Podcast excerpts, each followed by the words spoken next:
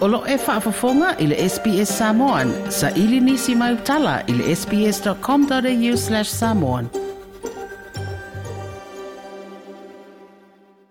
Louise Natush, uh, thank you for um, coming on the program. Hello. Hello, uh, and my pleasure. My Health for Life. Your media release says that it's to help Queenslanders to live well and avoid developing serious conditions like heart disease, type 2 diabetes, and stroke. How do you intend to do that?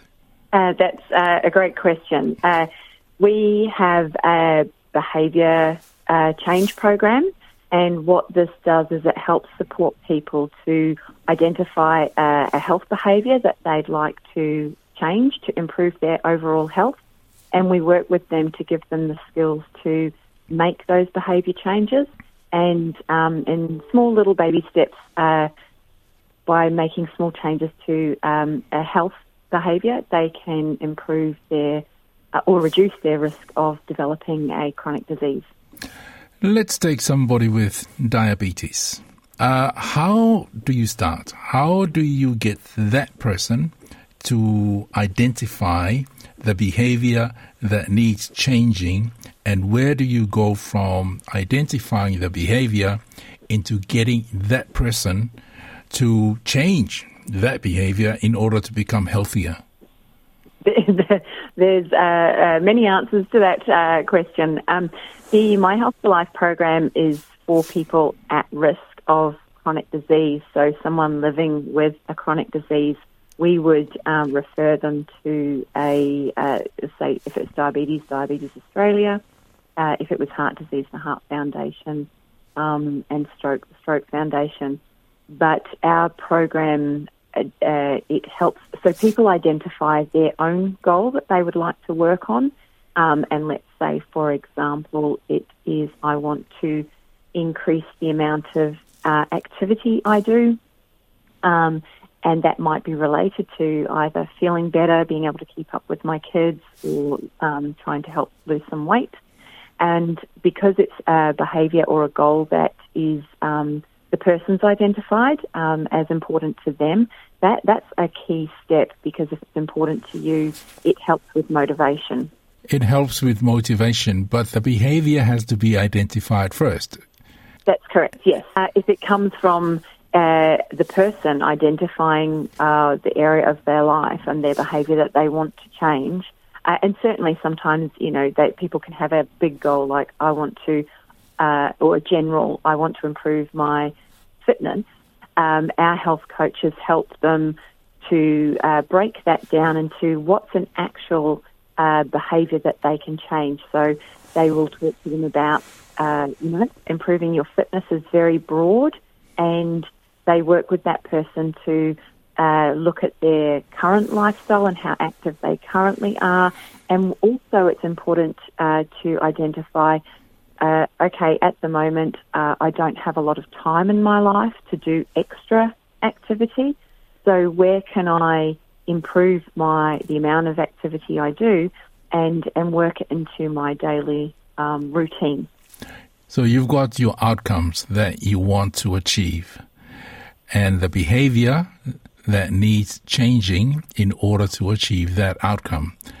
For example, somebody who is carrying quite a bit of weight and somebody who is not feeling very well and um, is um, susceptible to quite a few of these chronic diseases as a result of um, inactivity and the weight.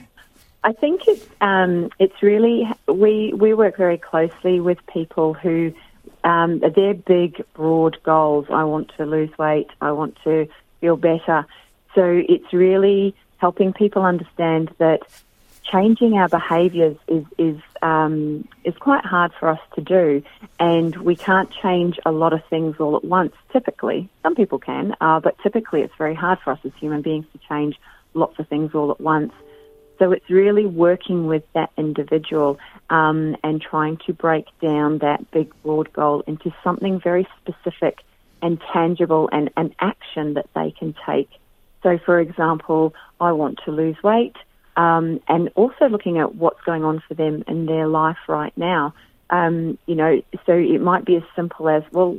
Uh, the person might, working with the health coach, identify that decreasing the amount of soft drink that they drink would be a, a good actionable behaviour that they can start with changing, and it might be swapping um, swapping the can of soft drinks for uh, a, a, cup of tea or a glass of water, or um, adding lemon to the water because a lot of people um, find plain water not so appealing. So it's really identifying, bringing that big goal down to something um, actionable, and uh, we find that swapping something like a, a, soft drink for a different type of beverage is um, is more successful than trying to um, not have it at all, if that makes sense. It does. Diet. Along with uh, providing the skills for people to identify uh, a health behaviour that they want to change to help move them towards uh, an, um, a healthier uh, way of living and reducing their risk of chronic disease. We also have uh, education components and the the focus is on there, there's a, a, few of them. Um, food is one of them. Nutrition, exercise, uh, how to quit smoking, uh, general well-being, so mental well-being, sleep is another uh, important area, and also um, reducing alcohol consumption. And I guess the other part is um, making those um, small steps, achievable steps, but ensuring that they are consistently um, doing them rather than um, you know going for the uh, the big goal and then uh, watching television and hoping the big goal will come and find them. That's correct. The big goal will not happen without some action. Yes, and and you're right. Making those um, chunking that right down to small actions is so important to make sure we are more successful because um, as we're successful at those tiny, or they feel like tiny, small, insignificant actions, but they're actually, and you, you've hit on a really good point, that consistency. If mm. we hmm. can make that small change every day, that actually leads to quite big change over a period of four or six months or even 12 months, you know. So it's about making it um, sustainable, a change that can be sustainable for someone in their life and become a new behaviour for them. Uh, and they will receive uh, big rewards from, from small changes. Louise, you've uh, translated um, the Health for Life program into Samoan and other languages. Why did you feel the need to do that? We uh, we know that people from um, a culturally and linguistically diverse background, so a, di- a different culture, um, in in Australia have a higher risk of developing chronic diseases. So it was really important for us to uh, try and make the program more accessible for people so it's easier to follow, it's easier to understand.